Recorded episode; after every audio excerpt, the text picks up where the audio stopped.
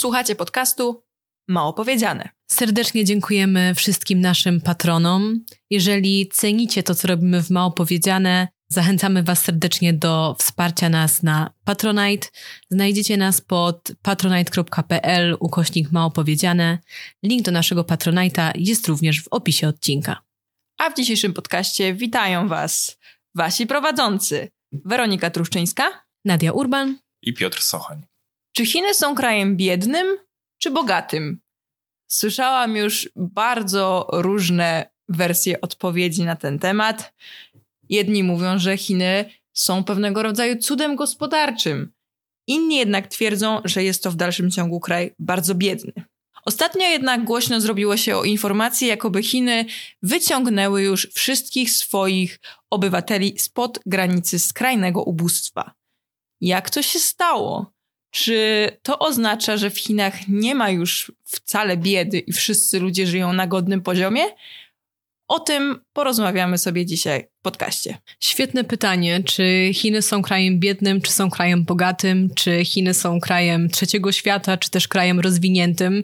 To są takie pytania absolutne, które jednak ludzie dość często sobie zadają. Ciekawe w tym wszystkim jest to, że Chiny są po prostu niezwykle wielowymiarowe i są trochę tym i trochę tamtym. Tak, ja y, podczas swojej działalności internetowej spotkałam się już z bardzo wieloma teoriami, z bardzo wieloma sposobami rozumienia Chin. Y, często dostawałam pytanie w stylu, czyli Chiny są jednak biednym państwem? Czyli Chiny są jednak tak rozwiniętym państwem? Tak, zgadza się. Zdarza się jedno, zdarza się drugie. Dzisiaj spróbujmy po części na to pytanie odpowiedzieć. Dobrze, będziemy dzisiaj rozmawiać o problemie ubóstwa w Chinach, o biedzie w Chinach. No i oczywiście nie możemy tego y, robić bez żadnego kontekstu. Także Weronika, jakbyś mogła nam trochę nakreślić, jak to w ogóle wyglądało, no jeszcze od czasów imperialnych. O biedzie w Chinach przed założeniem Chińskiej Republiki Ludowej, czy nawet przed upadkiem dynastii Qing, ostatniej dynastii, to nastąpiło w roku 1911, mówi się naprawdę bardzo niewiele. Jak się szuka artykułów czy opracowań naukowych, to w większości znajduje się mimo wszystko artykuły dotyczące biedy albo po upadku dynastii Qing, albo już w Chińskiej Republice Ludowej, czyli po 1949 roku. Warto jednak zwrócić uwagę na to, że już w tym XV wieku, czyli to są czasy dynastii Ming, gospodarka Chin była odpowiedzialna za 25 do 30% całej gospodarki światowej. Tylko, że no właśnie, to nie oznacza wcale, że bieda w Chinach była marginalna, bo pieniądze były skupione w rękach wąskiej grupy rodziny cesarskiej i właśnie urzędników. W ogóle, jeżeli zobaczymy sobie na takie dane y, PKB chińskiego na przestrzeni wieków, to są oczywiście raczej ciekawostki, bo to te dane nie zawsze są wiarygodne. To około XII-XIII wieku PKB Chin wynosiło około 150% PKB ówczesnej Wielkiej Brytanii. Podczas gdy w momencie zakładania Chińskiej Republiki Ludowej to już było mniej niż 10%. Widać więc, że mimo wszystko ta siła tego imperium chińskiego, ona słabła. Ona od X do XX wieku rzeczywiście znacznie osłabła. I tak jak powiedziałam wcześniej, w Chinach imperialnych około 90% chińskiej populacji to byli rolnicy, osoby mieszkające na wsi. I to była oczywiście główna grupa ludzi narażona na ubóstwo. W Chinach imperialnych, pomimo tego, że rolnicy byli generalnie poważaną grupą ludzi, bo oni dostarczali jedzenie ich życie było dosyć skromne, żyli w niewielkich skupiskach rodzin, tak po kilkadziesiąt czy do stu rodzin w jednej wiosce. Wszystkie te rodziny prowadziły swoje niewielkie gospodarstwa rolne. Niestety jednak wieś była dosyć nieproporcjonalnie opodatkowana w Imperium Chińskim, bo farmerzy musieli oddawać część swoich płodów rolnych jakby na na rodzinę cesarską, tak, no rodzina cesarska nie produkowała swojego jedzenia, a coś jeść tam musiała. A do tego rolnicy byli zobowiązani odrabiać pańszczyznę, czyli na przykład przez miesiąc w roku musieli pracować za darmo na rzecz rodziny cesarskiej. Dotarłam jeszcze do takich informacji, że chińscy farmerzy w Chinach imperialnych nie jadali prawie w ogóle mięsa, raczej jadali zboża, ryż, czy rzeczy typu pierogi, makaron, tak, czyli po prostu produkty ze zbóż, z płodów rolnych. No jeżeli mówimy na przykład o mięsie, to był raczej posiłek osób zamożnych. Znowu wracamy do rodziny cesarskiej i urzędników. Oczywiście i tak było generalnie, no naprawdę wszędzie na świecie. Także mit o tym, że ludzie jedli dużo mięsa, trzy razy dziennie jedli mięso, e, naprawdę nie ma, nie ma żadnego pokrycia historycznego. No nie, i do teraz zresztą w chińskiej kulturze widać bardzo, jak y, mieszkańcy przykładają wagę do tego, że mięso, dużo zastawionego na stole mięsa, to jest oznaka bogactwo. A gdzie takie osoby ze wsi mieszkały, bo nie powiedziałam jeszcze, gdzie osoby ze wsi mieszkały. Jak myślicie sobie o chińskim takim tradycyjnym budownictwie, to być może przychodzą wam te takie powyginane, takie tak. chińskie tradycyjne dachy. Jak się łatwo domyślić, no, chińscy farmerzy z czasów imperialnych nie mieszkali w domach, e, które tak by wyglądały. To były domy wyższych sfer. Biedacy mieszkali najczęściej w zwyczajnych drewnianych chatkach, które miały jedną, dwie izby i dach ze strzechy. Po upadku dynastii Qing w czasach Republiki e, nie nastąpiło w tej kwestii wiele zmian. Struktura ekonomii z czasów Republiki również była w większości oparta na rolnictwie. Przy populacji liczącej prawie 500 milionów, e, no to prawie dwie trzecie e, PNB pochodziło tutaj z rolnictwa. Według dzisiejszych standardów Chiny z czasów Republiki plasowałyby się wśród biedniejszych z kategorii krajów o niskich dochodach. No dobrze, ale porozmawiajmy trochę o tym, jak wyglądała problematyka ubóstwa i jak radzono sobie z ubóstwem w czasach już Chińskiej Republiki Ludowej.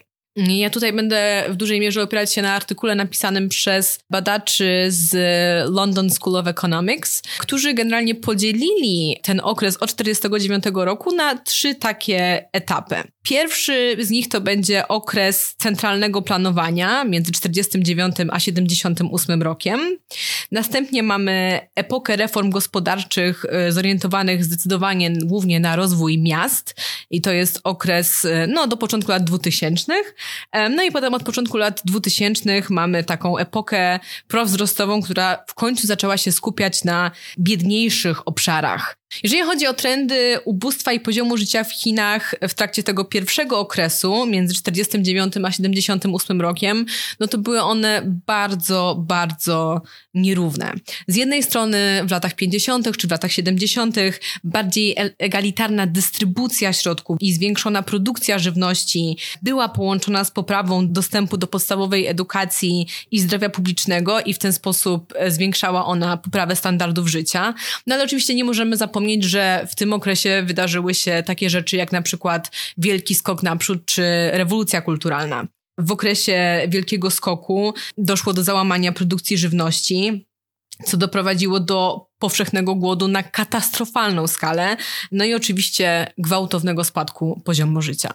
Tak, jak sobie spojrzycie na tę taką krzywą dzietności w Chinach, znaczy porównanie urodzeń i zgonów, to zwróćcie uwagę, że tam jest taki jeden rok, to jest chyba rok 1960, gdzie te krzywe są praktycznie na tym samym poziomie. To znaczy, że chińska populacja zatrzymała swój wzrost. Tam wystąpił wielki głód i mnóstwo ludzi zmarło. Miliony ludzi. Tak, to jest tak, taki jeden punkcik na tych krzywych i on jest rzeczywiście, no bardzo ciekawe to wygląda. Oczywiście do tej pory tak naprawdę nie wiadomo do końca, ile dokładnie ludzi zmarło w trakcie tego wielkiego skoku, więc no to oczywiście było katastrofalne wydarzenie, które doprowadziło do śmierci milionów ludzi, no ale też miliony ludzi wepchnęło z powrotem w skrajne ubóstwo. Musimy w ogóle mieć na uwadze to, że w tamtym okresie zdecydowana większość społeczeństwa chińskiego żyła w biedzie.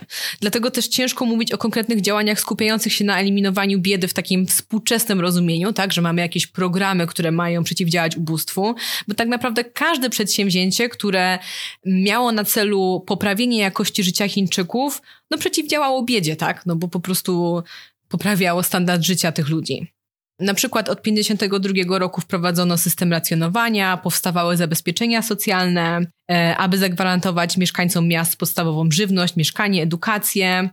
No ale dobra, porozmawiajmy o tym, jakie były konkretne środki wprowadzone, które miały właśnie tej biedzie, ubóstwu przeciwdziałać. Na przykład była to opieka zdrowotna. Pracownicy rządowi i pracownicy zakładów państwowych mieli zagwarantowaną opiekę zdrowotną. I tutaj mówimy oczywiście o mieszkańcach miast. Natomiast jeżeli chodzi o tereny rolne, to od późnych lat 50. państwo organizowało na terenach rolnych tak zwaną spółdzielczą opiekę zdrowotną, która polegała na, to, na tym, że rolnicy wspólnie na nią płacili. Do lat 80. prawie 90% obszarów wiejskich było taką opieką objęte. Później nastąpiło znowu załamanie tego modelu. W tamtym okresie również partia duży nacisk kładła na edukację. Na samym początku skupiano się na oferowaniu podstawowej edukacji dla mas. Duży nacisk był na naukę czytania i pisania ludności wiejskiej, ale znowu potem, już w latach 50., ten punkt ciężkości trochę się zmienił w stronę nauki i technologii, na modłę sowiecką też, które miały wspomagać rozwój gospodarczy. Dużo więcej się inwestowało w kształcenie wyższe, takie produkowanie inżynierów, tego typu rzeczy, co miało wspomagać ten, ten wzrost gospodarczy i e, ogólną industrializację. Edukacja wyższa była bezpłatna, ale świeżym absolwentom przydzielano pracę z urzędu, co generalnie zakończyło jakąkolwiek mobilność zawodową. I to też powodowało, że ludzie, którzy kończyli studia, oni mogli być przydzieloni do różnych prac i w różne miejsca, więc to nie od nich zależało, jaką będą mieć karierę i ile potem będą zarabiać, tak? To było trochę dziełem przypadku tutaj. Mieszkania był również program socjalny związany z mieszkaniami. W latach 50. Chiny zaczęły tworzyć system mieszkań komunalnych w miastach. Fundusze na budownictwo mieszkaniowe pochodziły z budżetu państwa i były one przeznaczone na jednostki pracy. W Chinach są takie jednostki pracy, nazywają się Danwei. Za budownictwo i przydział mieszkań odpowiadali więc pracodawcy i władze lokalne. Z tym, że ci pracodawcy to były firmy państwowe. Tylko pracownicy z miejską rezydenturą, z miejskim huką mieli prawo do mieszkań komunalnych, które były własnością państwa. Mieszkańcy mieszkań komunalnych musieli płacić niewielką kwotę za czynsz. No i już ostatnim takim elementem w tym okresie planowania centralnego takiej walki z, z biedą był system świadczeń socjalnych, nad którym Chiny rozpoczęły pracę w sumie dość wcześnie. Prace nad regulacjami trwały od początku lat 50., a w 54 roku prawo do ubezpieczenia społecznego zostało zapisane w chińskiej konstytucji. Zastrzeżono, że gdy pracownicy byli starzy, chorzy lub niepełnosprawni, mieli prawo do otrzymywania pomocy materialnej. A potem przez kolejne 20 lat, czyli do lat 70., cały czas usprawniano ten system, aż w końcu on rozwinął się do no, podobnego, jakim jest dzisiaj. To jest bardzo ciekawe, co mówisz, bo rzeczywiście Chiny są takim państwem, który na Zachodzie bardzo często kojarzy się z miejscem, w którym pracownik nie ma praktycznie prawa do niczego, ani do emerytury, ani do żadnego ubezpieczenia, po prostu ci ludzie są zostawieni sami sobie. A to, o czym mówisz, to rzeczywiście, no to brzmi jakby już od tych lat, od początku praktycznie Chińskiej Republiki Ludowej zaczynano coś w tym temacie działać. No rzeczywiście, jeżeli chodzi o duże miasta, no to nie ma co tutaj mówić, bo osoby, które mają rezydenturę, czyli huką dużych miast, są objęte ubezpieczeniem emerytalnym od wielu, wielu lat. A jeżeli chodzi o mieszkańców wsi, no to nie wygląda to już tak dobrze. Trafna uwaga, już na przykład od 51 roku Chiny wprowadzały takie rzeczy jak e, urlop macierzyński, e, świadczenia chorobowe, z tym, że one obejmowały tylko i wyłącznie ludność miejską. Cały czas mówimy o większości, która jest kompletnie wyjęta spoza tego systemu zabezpieczeń. Wyławia nam się obraz pewnej preferencyjności wobec ludności miejskiej. Myślę, że to jest jasne dla każdego, kto nas teraz słucha. Polityka społeczna była tak naprawdę narzędziem wspomagającym industrializację i dlatego ograniczała się do miast, by wspomóc właśnie rozwój miast. Nie oznacza to jednak, że ludzie w tamtym okresie żyli w miastach tak jak pączki w maśle. Oczywiście oni byli objęci jakimikolwiek świadczeniami, ale jednak musicie wiedzieć, że dochody ludności miejskiej w tamtym okresie rosły bardzo powoli. I do tego, ponieważ większość środków do życia była racjonowana, to tak naprawdę rzeczywisty standard życia nie był bezpośrednio związany z indywidualnym dochodem, więc to też nie jest taka dana, która nam tutaj dużo powie. Jeżeli popatrzymy na dane z roczników statystycznych Chin, to zobaczymy jasno, że przez te 30 lat, mówimy o okresie między 49 a 78 rokiem, warunki życia Chińczyków, nawet w miastach, nie uległy znacznej poprawie. No, faktycznie w czasach mało mieliśmy przede wszystkim nacisk na tworzenie przedsiębiorstw państwowych, które ucieleśniły tę politykę pełnego zatrudnienia, do której Chiny wtedy zmierzały. Ale tak jak sama zauważyłaś, też Chiny były bardzo biednym krajem. W dodatku targanym licznymi zawirowaniami politycznymi, a często były targane wręcz terrorem rządów Mao Zedonga. Jeżeli w ogóle mówimy o jakichś takich programach polityki socjalnej, to wtedy taką pomoc mogli otrzymywać tylko ludzie, którzy spełniali takie kryterium Sanwu, czyli trzech braków właściwie. Braku zdolności do pracy, braku dochodu i braku rodziny, która mogłaby ewentualnie nas wesprzeć. Analogiczna pomoc istniała też na wsiach, ale dużo bardziej ograniczona, jak sama zauważyłaś. Ona, ona e, nazywała się Łubao i ona w sumie nawet jeszcze do tej pory istnieje. Ona jest przede wszystkim przewidziana dla ludzi, którzy nie mieli, no nie mieli nic, tak mówiąc w cudzysłowie, ale nie mieli przede wszystkim ziemi do uprawy, a mieszkali na wsi. E, w roku 1978, czyli w roku, w którym no, nastąpiła ta tranzycja w Chinach, koniec e, ery maoizmu, ponad 90% populacji żyła poniżej poziomu biedy, a jedynie około 240 tysięcy osób w ogóle otrzymywało jakiekolwiek wsparcie od rządu, które i tak było bardzo skromne, bo wynosiło średnio około 75 juanów na rok. Chiny w ogóle startowały z bardzo ciężkiej pozycji, tak, wyniszczone po wielu latach wojny domowej, wojny z Japończykami, ja chciałam powiedzieć, że uważam, że jednak były w tym okresie wprowadzone pewne polityki, których być może nie omawia się bezpośrednio w kontekście walki z biedą, ale w mojej ocenie jednak mają znaczenie. I to są e, takie polityki, z którymi ja się zetknęłam w trakcie pisania swojej pracy magisterskiej, w której skupiałam się głównie na kobietach. E, I uważam, że one jednak mają mm, znaczenie w ogólnej modernizacji i polepszaniu standardów życia w chińskim społeczeństwie. I to, co ja tutaj mam na myśli, to jest przede wszystkim wszystkim edukacyjna praca u podstaw, czyli nauka pisania i czytania na wsiach. Do tego wymóg rejestracji małżeństw, a przede wszystkim od późnych lat 50. i przez lata 60.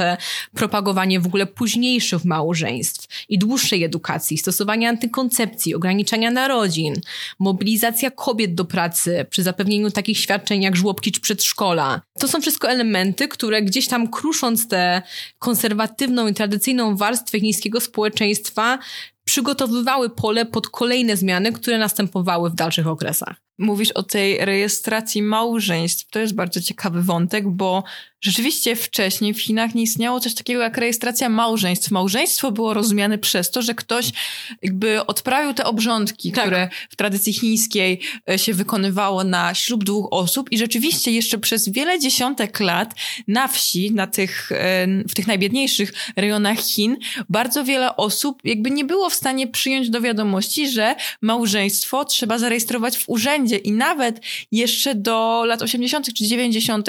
były takie sytuacje, że ślub, tak w cudzysłowie, robię cudzysłów palcami, najlepsza rzecz w podcaście, przez po prostu odprawianie tych obrzędów. I do tych ludzi nawet nie bardzo docierało to, że to nie jest żaden ślub, bo wy nie macie prawa do ślubu, bo macie na przykład 15 i 16 lat, tylko w głowach tych osób to no my wzięliśmy ślub, bo odprawiliśmy te rytuały i to wszystko. Ale w ogóle ciekawe jest to, co ty powiedziałeś o tym, że 90% y, chińskiego społeczeństwa żyło w ubóstwie w 78 roku, bo jak popatrzymy na oficjalne statystyki, e, no to zobaczymy zupełnie co innego. E, według oficjalnych danych w 78 roku 270 milionów Chińczyków, czyli około 28% populacji, żyło w ubóstwie. Oczywiście no, te dane są zupełnie niewiarygodne, ponieważ Chińczycy inaczej w ogóle liczyli tą linię ubóstwa, niż było to uznawane na całym świecie. Taka definicja w ogóle biedy chińskiego rządu opierała się na pojęciu wenbao, czyli takiej trudności z utrzymaniem ciepła i tym, żeby mieć pełny żołądek. I generalnie to oznacza, że jeżeli człowiek nie cierpi z powodu głodu, ma ubranie do noszenia i nie jest mu zimno, no to generalnie już nie jest biedny. A tam nie było żadnych takich obiektywnych y, czynników, jakichś takich, że ilość pieniędzy na dzień, tylko oni to tak liczyli subiektywnie? Ja ci powiem, jak to liczono do 96 roku. Okay. Liczono to tak. Przez wiele lat obliczanie liczby osób w ubóstwie opierało się na średnim dochodzie powiatu. Gdy średni dochód powiatu spadał poniżej poziomu dochodu minimalnego, no to wtedy uważało się, że to jest taki powiat ubóstwa i wszyscy ludzie, którzy tam żyją, są generalnie ubodzy. Ale na odwrót, jeżeli mieliśmy cały powiat, który był ponad tą przeciętną, no to wtedy uznawało się, że wszyscy ludzie, którzy tam żyją, że żadna z tych osób nie jest uboga. I tak generalnie liczono procent ubóstwa w Chinach aż do 96 roku. Świetnie. No i potem przechodzimy już do e, tego kolejnego okresu, który trwał od końca lat 70. do e, właściwie początku lat 2000. I to była epoka reform gospodarczych, która była również bardzo zorientowana na rozwój miast. Polityka urbanizacyjna po latach 70. miała głównie na celu sprostanie presji nadwyżek siły roboczej ze wsi. Podstawową zasadą tutaj, którą przybrał rząd chiński, to było utrzymanie podziału wsi i miast oraz uniknięcie zalewu migrantów z wsi do dużych miast. Obawiano się, że rolnicy zaleją miasta, wywierając ogromną presję na słabą wówczas infrastrukturę miejską, no i państwo oczywiście tego nie chciało. Zamiast tego liczono raczej na stopniowe zmiany, a idea, według której się kierowano, to kontrola rozwoju skali dużych miast, rozwijanie średnich miast, ale w rozsądnym tempie i aktywne rozwijanie małych miast. No dobra, ale czy te obawy, o których Nadia powiedziała przed chwilą, obawy rządu o to, że duża liczba niewykwalifikowanych rolników przyjedzie do miast, zaleje te miasta, nie będą mogli znaleźć pracy.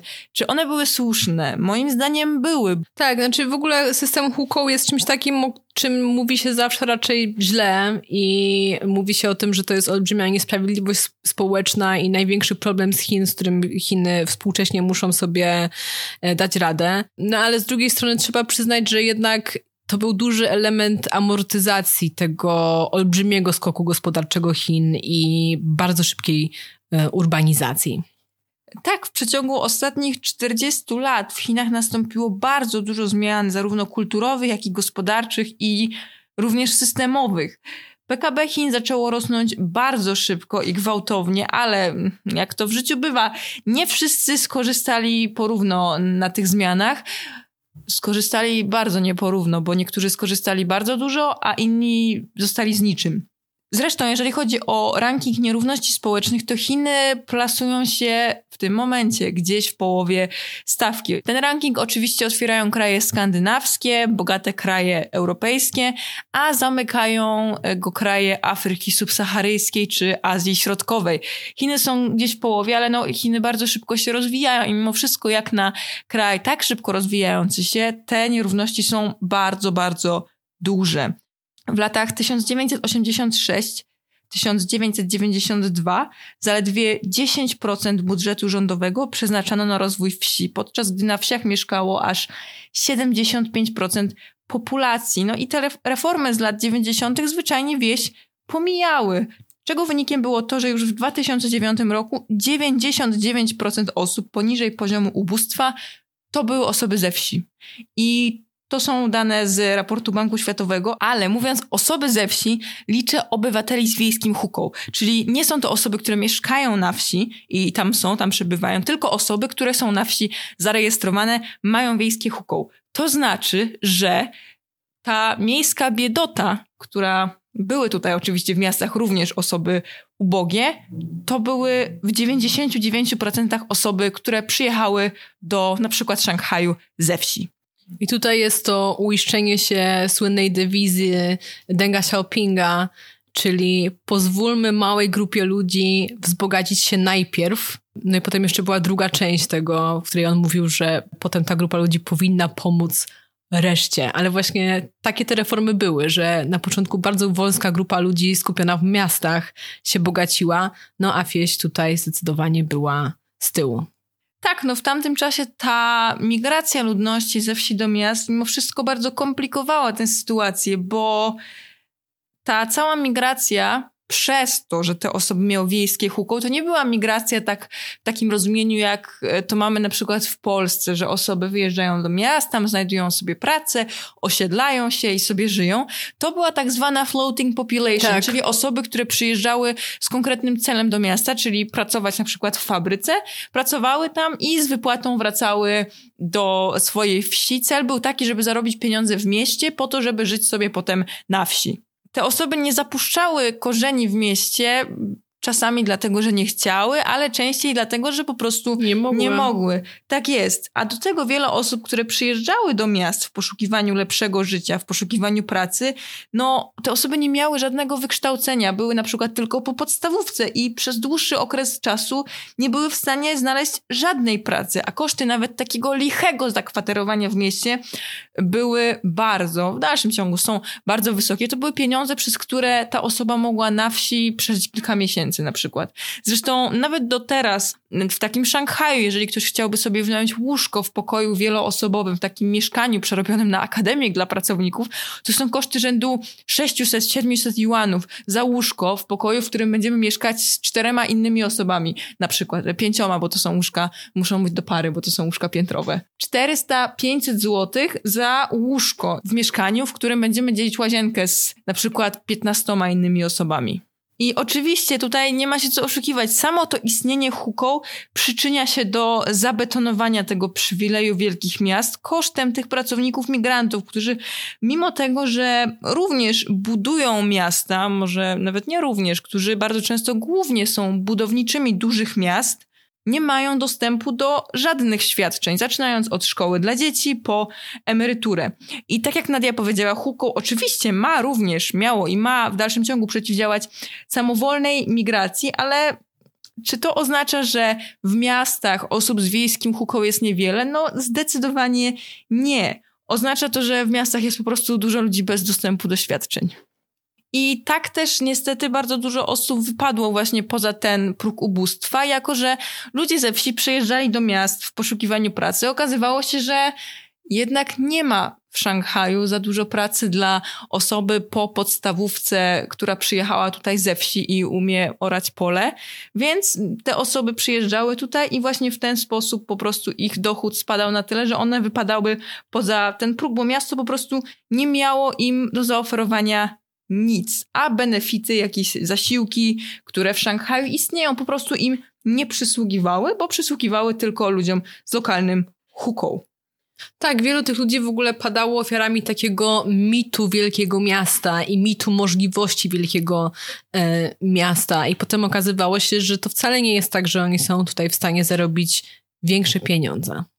Wcześniej też mówiłam oczywiście, że reformy z lat 90. były bardzo, no miały taki duży urban bias, czyli były tak nastawione właśnie na te miasta. Rząd nieproporcjonalnie dużo uwagi poświęcał rozwojowi miast. I to wszystko doprowadziło do takiej spirali beznadziejności, gdzie dzieci rodzące się na wsi już jakby od razu były skazywane na to, że za jakiś czas prawdopodobnie wypadną albo już rodziły się pod tym progiem biedy, bo sytuacja na wsi była jaka była. Najczęściej to wyglądało tak, że rodziło się dziecko na wsi, podczas gdy jego rodziców już nie było, tak powiem, bo ci rodzice wyjeżdżali do miast pracować, zarabiać na dzieci, które na wsi zostawały z dziadkami, stawały się tymi left behind children, które dziadki wychowywali bardzo często na polu zabierały te dzieci na pole, podczas gdy ich rówieśnicy w miastach chodzili do już jakiegoś rodzaju przedszkola, gdzie w tym przedszkolu podsuwano im edukacyjne zabawki, czytano im książki i tak dalej, i tak dalej. Dystrybucja edukacji też jest bardzo, bardzo nierówna, jeżeli chodzi o wsie i miasta, bo Nadia tutaj powiedziała, że rzeczywiście y, na początku istnienia Chińskiej Republiki Ludowej skupiono się na tym, żeby dać wszystkim Chińczykom dostęp do edukacji podstawowej i rzeczywiście to się udało, bo w tym momencie już wszystkie chińskie dzieci, na pewno z jakimiś wyjątkami, ale powiedzmy, że praktycznie wszystkie chińskie dzieci idą do podstawówki, gdzie uczą się czytać, pisać i tak dalej, ale mimo wszystko ten dostęp do edukacji ogólnie jest zdecydowanie inny na wsi i w mieście. Zresztą z badań wynika, że osoba, która swoje dziecięce lata spędzi na polu z dziadkami, już nigdy nie będzie w stanie zniwelować tej przepaści w ilorazie inteligencji, która jakby dzieli go od dziecka, które wychowało się w mieście. I najczarniejsze scenariusze mówią o tym, że co najmniej połowa tych Left Behind Children nigdy nie przekroczy 90 punktów Też to czytałam. IQ. Tak, no ważnym czynnikiem właśnie są ci dziadkowie, którzy zabierają te dzieci w pole, te dzieci się tam babrają w błocie. Dziadkowie często w ogóle mają sami problem z czytaniem i pisaniem, nie mogą mi na przykład pomagać z zadaniem domowym, to też ma znaczenie. Tak, e, dotarłam do takich informacji, że dotarłam do takich badań, które były przeprowadzane w 2015 roku w prowincjach Shanxi, Hebei i Yunnan. W tych prowincjach tylko 5% opiekunów dzieci czyta im książki. I oczywiście Shanxi, Hebei i Yunnan to już szczególnie to są bardzo biedne prowincje, ale No tak właśnie to, jest niestety to, o czym wygląda. ja mówiłam w naszym odcinku edukacji, tak, że tutaj jakieś wyrównywanie szans, wprowadzamy reformy, które mówią koniec z korepetycjami z matematyki i z angielskiego. No jakby nie, tak, tak ten problem nie zostanie rozwiązany. Trzeba poprawić jakość edukacji dla dzieci, które są na wsiach. Oczywiście wieś oferuje też gorsze szkoły z gorzej wykwalifikowanymi nauczycielami, które nie przygotowują do Gaokao dostatecznie dobrze. Ale o czym my tu w ogóle mówimy? Gdzie Gaokao? No, Kto Kiedy? w ogóle podchodzi Tak. do Gaokao? W Chinach obowiązkowa edukacja to jest 6 plus 3, mówiliśmy o tym, czyli 6 lat podstawówki, 3 lata gimnazjum, ale aż 60% dzieci ze wsi y, kończy edukację przed bądź na ukończeniu gimnazjum. Tak. W zasadzie tylko 40% w ogóle idzie do tego Dalej. liceum, a Mhm. gdzie my tu w ogóle mówimy o Gaokao? Do tego osoby ze wsi muszą uzyskać więcej punktów z Gaokao, żeby dostać się na studia w mieście, bo nastolatki z miast są pod tym względem uprzywilejowane. I ja rozmawiałam z moimi znajomymi, którzy mieszkają w Szanghaju, ale pochodzą ze wsi i chyba żadna z tych osób nigdy nie pisała Gaokao, mówią, że wygląda to w ten sposób, że osoby z innych regionów, na przykład z jakiejś wsi w prowincji Hebei, muszą mieć z Gaokao 650 punktów, żeby dostać się na przykład na Jiaotong University w Szanghaju, a nastolatkowi z Szanghaju wystarczy na przykład 500 punktów. Tak, bo mają dodatkowe punkty, jeżeli mają lokalne hukou. To nie jest tak, Zgadza że się. na przykład osoba z Pekinu, która chce iść na studia w Szanghaju, będzie miała łatwiej, ale faktycznie ktoś z szanghajskim hukou będzie mieć tutaj ulgi, tak. Zgadza się. Są jeszcze takie dane, że na początku lat 2000 na Uniwersytecie Pekińskim i na Uniwersytecie Tsinghua około 17% osób tam studiujących to były osoby z wiejskim huką i potem przestano publikować te dane, ale są takie szacunki, że w roku 2019 było to nie więcej niż 1% studentów. To są straszne dane. Ja nie wiem, czy wy pamiętacie, ale maksymalnie trzy lata temu była taka sytuacja, że jakieś dwie osoby z jakiejś bardzo biednej wsi dostały się na. Nie wiem, czy to nie była Tsinghua. To był albo Uniwersytet Pekiński, albo Uniwersytet Tsinghua. I, te uni- no i ten uniwersytet on ich jakby wyrzucił zaraz po przyjęciu, bo oni stwierdzili, że oni sobie nie poradzą. Więc oni, zanim ci studenci zdążyli do tego Pekinu przyjechać na te studia, już im powiedzieli, a sorry, jednak nie, bo wy sobie tu nie poradzicie, po czym ta sprawa wyszła na światło dzienne, no i to był olbrzymi skandal, bo na jakiej podstawie oni stwierdzili, że ci studenci sobie nie poradzą, jeżeli wcześniej ich przyjęli, no i przyjęli ich z powrotem. Niewiarygodne. A macie może jakieś takie swoje własne doświadczenia związane z pobytem na wsi, czy ogólnie wsią w Chinach? To znaczy, może nie tyle z pobytem na wsi, ale uważam, że takim istotnym elementem bardzo chińskim y, ubóstwa tutaj jest właśnie migracja ludzi z wsi do miast, y, tego floating population i zostawianie właśnie dzieci za sobą. I całe to zjawisko tych właśnie left behind children. I to jest zjawisko, z którym żyjąc w takim mieście jak Szanghaj, spotykasz się nagminnie tak naprawdę. I ono też spotyka osoby, które niekoniecznie są mm, niewykształcone i bardzo, bardzo biedne, bo ja w swojej poprzedniej pracy miałam taką koleżankę w swoim wieku, która e, ma trzyletniego syna, który wychowuje się na wsi z rodzicami, a ona i jej mąż sami pracują w Szanghaju to, co idzie za tym, że ci rodzice zostawiają swoje dzieci, no to to jakby zaczynając właśnie od tego, że e, rozwój tych dzieci jest spowolniony, e, one są często niedożywione, e, one od najmłodszych lat pracują na polu, pomagają swoim dziadkom, no nie są tak mocno związane oczywiście ze swoimi rodzicami, więc też mają problemy emocjonalne. No i to jest taka spirala, która powoduje, że bez, bez edukacji i bez perspektyw bardzo często potem te dzieci same powielają błąd tych rodziców i są takim drugim pokoleniem, które potem wyjeżdża do miast za pracą i zostawia znowu swoje małe dzieci z dziadkami. Ale ja też się zastanawiam trochę, bo ty mówiłaś, że ta twoja koleżanka z tej pracy, ona była z prowincji, jest z prowincji Jiangxi. Tak. Prowincja Jiangxi nie jest wcale tak daleko od Szanghaju. Jakby się uparł, to trzeba przejechać dwie inne prowincje, żeby się tam znaleźć.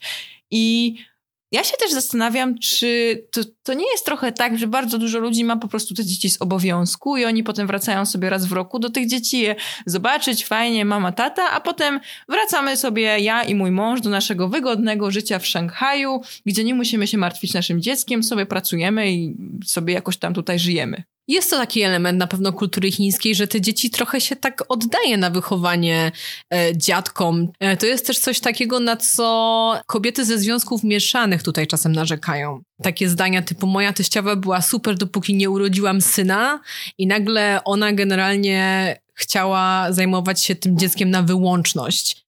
Weronika, ty jeździłaś po Junanie, po jednej z najbiedniejszych części Chin w sumie i to po takich wsiach, wsiach. Jakie masz wrażenia z tych swoich wyjazdów? Pierwsza rzecz, która mi bardzo jakby weszła do głowy, to jest to, że tam w tych wsiach w ogóle nie ma ludzi takich młodych, powiedzmy, w wieku 20-40 lat. Tam jest mnóstwo małych dzieci i mnóstwo osób starszych, które to te osoby starsze tam pielą te, te warzywa, czy grzebią w tych tarasach ryżowych, a te dzieci sobie tak biegają samopas. I w ogóle ja mam taki bardzo dziwny obraz przed oczami. Pamiętam, że właśnie w jednej e, z tych wsi e, w tym Junanie spotkałam taką rodzinkę, e, tak mama, tata, dziecko powiedzmy 3-4 lat, synek przyjechali z Pekinu, tak podsłuchałam, że oni przyjechali też oglądać tam wieś jako turyści i tam pomiędzy jakby nami, czyli osobami, które przyjechały robić zdjęcia jako turyści, kręciły się takie lokalne dzieci. I jak ta taka wiejska dziewczynka stanęła jakby przy takim chłopcu, co przyjechał z rodzicami z Pekinu, no to to jest taki widok, myślę, którego się bardzo długo nie zapomina. Bo ta dziewczynka była brudna przede wszystkim. Ona miała jakieś brudne ręce, widać było, że grzebała w błocie przed chwilą. No, jej twarz też nie była za czysta, te jej ubrania, no to były takie niedopasowane za bardzo. Widać, że to są po prostu jakieś tam szmatki miała narzucone. A no ten dzieciak z Pekinu to był taki, wiecie, chłopiec w jakichś takich modnych ciuchach, e, matka ubrana w fajny kombinezon i martensy. No rzeczywiście ten kontrast jest ogromny. Mhm.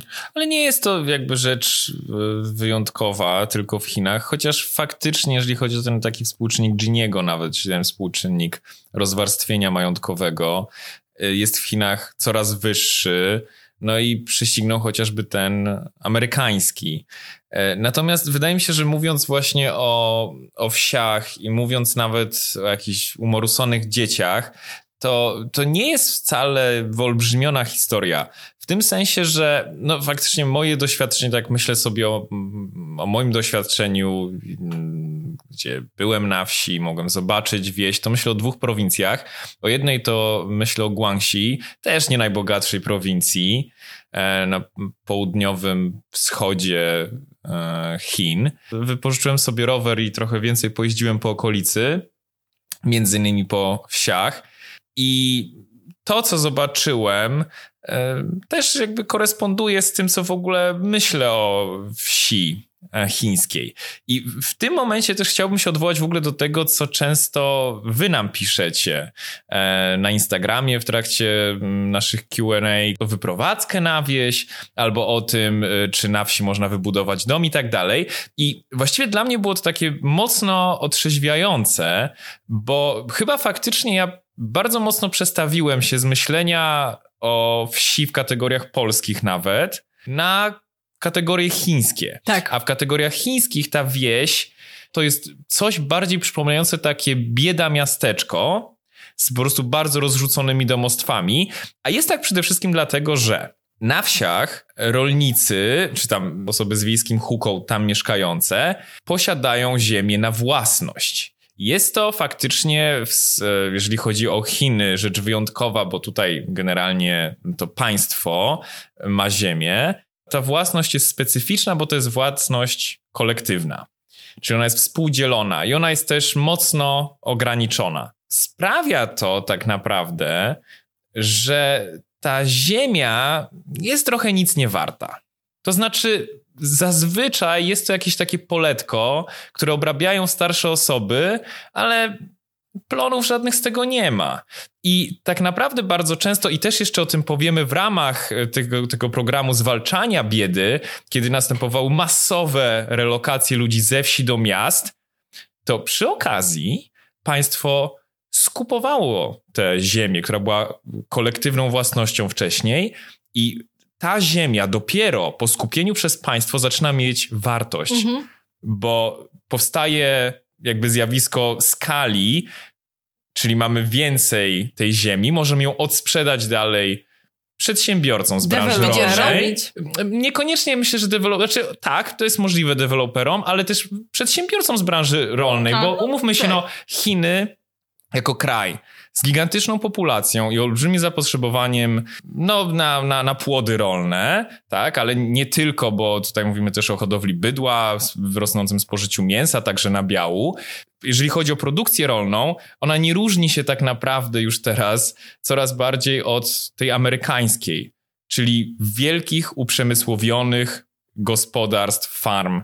I w tym kontekście te takie drobne właśnie poletka wiejskie, gdzie nawet no ktoś tam ma sobie jakąś ziemię, to jest bezwartościowe, to jest tak jak ty mówisz Weronika, to jest takie właśnie do, do pogrzebania sobie. No tak, tam są te I, dziadki w tych słomkowych kapeluszach z tymi koszami tak, na plecach. Tak, tak, tak. Jeszcze jedną taką cechą charakterystyczną chińskiej wsi poza tymi właśnie umorusanymi, pozostawionymi bardzo często przez rodziców dziećmi jest to, że mamy osoby starsze, które pracują bardzo długo, prawie że do swojej śmierci. Rysuje nam się tutaj jedna z przyczyn biedy w Chinach, która, jak już o tym wspominałyście, jest związana głównie ze wsią. Z jednej strony ludzie na wsi posiadają kolektywnie ziemię, ale z drugiej ta forma kolektywnej własności oraz fakt tego, że są to bardzo małe obszarowo gospodarstwa, sprawia, że ziemia ta ma coraz mniejszą wartość ciężko jest na tych kolektywnie posiadanych gospodarstwach wprowadzić konieczne i bardziej nowoczesne rozwiązania agrotechnologiczne, jak chociażby systemy nawadniające, które zwiększyłyby efektywność upraw. Ciężko jest się więc też przebić ze sprzedażą, konkurując z nowoczesnymi gospodarstwami przemysłowymi. Jeżeli odpowiednio blisko jest jakieś miasto, można pojechać ze swoimi produktami na rynek, ale rzeczywiście tych możliwości zarobku nie jest wiele. No więc oczywiście, mówiąc o tym grzebaniu w ziemi, trochę przerysowuję ten obraz, ale faktycznie nie wystarcza to na wiele więcej niż skromne przeżycie osób, które tę ziemię uprawiają.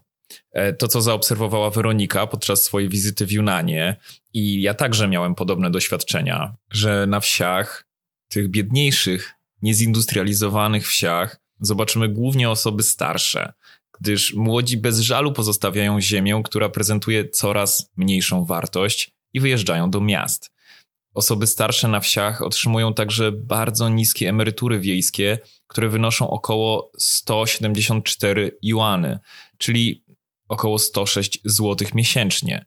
Są one o wiele niższe od emerytur miejskich, które wynoszą średnio 3350 juanów, czyli ponad 2000 złotych a w większych miastach jak Szanghaj będą to jeszcze wyższe sumy.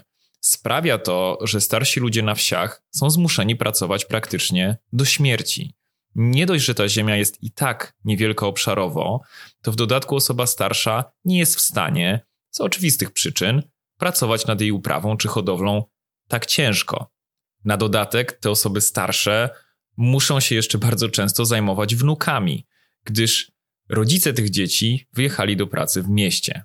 Też tutaj znowu zrobię taką dygresję, ale to jest bardzo ciekawe, może kogoś zainteresuje. E, to jest to, że w Chinach jest bardzo wysoki odsetek samobójstw osób starszych, e, głównie kobiet. I to są najczęściej osoby ze wsi, bo one czują w pewnym momencie, że są ciężarem dla swoich bliskich, którzy na przykład pracują i się zacharowują w mieście za jakieś pieniądze i wysyłają tej rodzinie. No i te osoby, które w, na tych wsiach na, nie mogą liczyć na prawie żadne emerytury, decydują się na taki desperacki krok. Tak. E, rząd zdaje sobie sprawę z nieefektywności pewnej prowizoryczności obecnego systemu, więc pozwala mu się zmieniać. Zmieniać w stronę gospodarstw rolnych dużej skali. Zmiany te następowały i następują jednak w dużej mierze na zasadzie kapitału, który ma moc wypierania rolników z mniejszych gospodarstw i pozwala na ich łączenie. Jak już napomknąłem, program zniwelowania biedy w Chinach także kontrybuował do tego procesu poprzez przesiedlanie osób ze wsi, ale o samym tym programie powiemy więcej w następnym odcinku, gdzie będziemy omawiać e, także to, jak rząd w Chinach odpowiada na problem biedy w Chinach, biedy na terenach wiejskich, ale nie tylko. A oczywiście kluczowym elementem tych starań jest właśnie ten szeroko komentowany program zniwelowania biedy, który zakończył się celebrowanym sukcesem w 2020 roku. Oczywiście, jak możecie się domyśleć, sprawa nie jest taka zero-jedynkowa i prosta. Koniecznie bądźcie z nami w następny wtorek. I to chyba tyle od nas na dzisiaj. Dziękujemy za słuchanie. Do usłyszenia. Zapraszamy na naszego Patronite'a, pamiętajcie. I to tyle.